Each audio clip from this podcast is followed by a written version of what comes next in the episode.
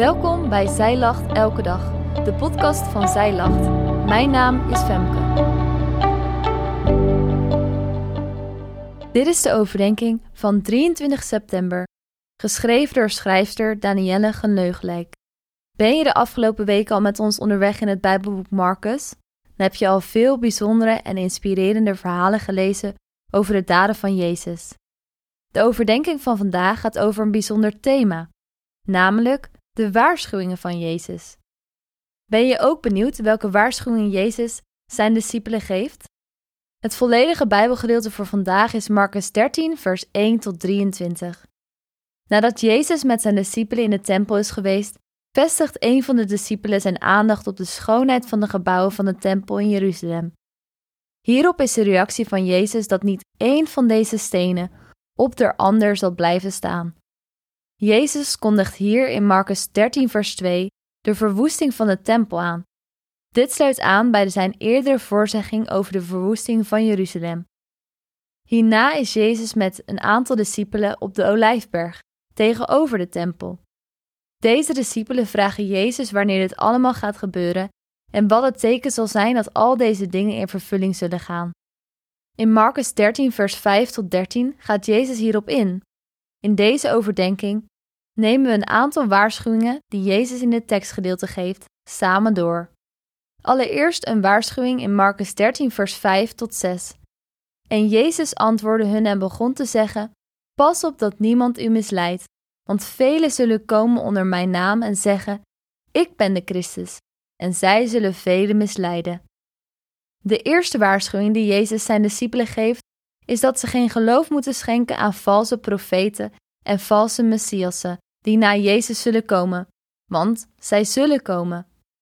In het Bijbelboek Handelingen worden er al een aantal valse messiassen omschreven. Zeker onder de druk van moeilijke omstandigheden zullen veel mensen een makkelijke prooi zijn voor valse profeten, omdat zij een spoedig einde van de wereld zullen verkondigen. De discipelen zijn hier nu sterk voor gewaarschuwd. Als tweede in Sint Marcus 13, vers 7, waarin staat: En wanneer u hoort van oorlogen en geruchten van oorlogen, word dan niet verschrikt, want dit moet gebeuren, maar het is nog niet het einde. De periode vlak voor het einde van de wereld zal gekenmerkt worden door politieke chaos, oorlogen en geruchten hierover. Jezus waarschuwt zijn discipelen ernstig dat zij zich hierdoor niet van hun stuk laten brengen. Deze dingen moeten gebeuren in de ontvanging van het helsplan van God. Ook is deze periode slechts tijdelijk, tot Jezus' wederkomst en de vestiging van het koninkrijk. Ten derde staat er in Marcus 13, vers 13 een andere waarschuwing. En u zult door alle gehaat worden omwille van mijn naam, maar wie volharden zal tot het einde, die zal zalig worden. In de versen 9, 11 en 12 waarschuwt Jezus zijn discipelen voor een aantal dingen wanneer de geloofsvervolging plaats zal vinden. Jezus zegt dat de discipelen op zichzelf moeten passen. Hij noemt dat ze niet bezorgd hoeven te zijn over de vraag of ze Jezus en hun geloof zouden verlogen op het moment dat er een geloofsvervolging plaatsvindt. Jezus bemoedigt hen en zegt dat ze door de Heilige Geest geïnspireerd zullen worden wanneer ze omwille van hun geloof terecht staan.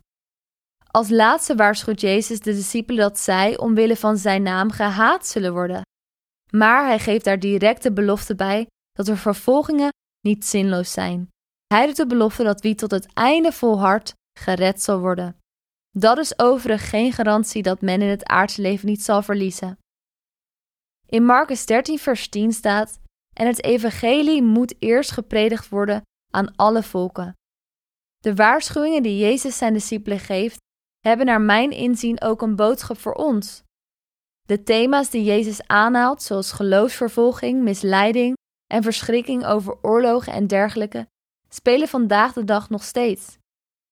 Laten we daarom bovenstaande stuk lezen alsof Jezus hierover ook iets tegen ons zegt. Laten we zijn waarschuwingen serieus nemen. Naast alle waarschuwingen geeft Jezus ook een opdracht mee aan zijn discipelen, die zeker ook vandaag de dag nog geldt.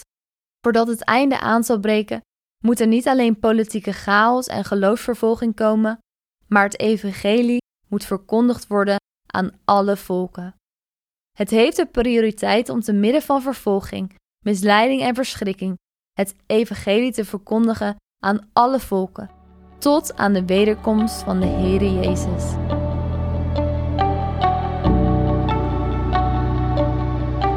Dankjewel dat jij hebt geluisterd naar de overdenking van vandaag. Wil je de overdenking nalezen? Check dan onze website. Je vindt er ook meer toffe dingen die jou helpen om de Bijbel vaker te openen, zoals boeken, Bijbels, cursussen en evenementen. Morgen ben ik weer bij je terug met een nieuwe overdenking.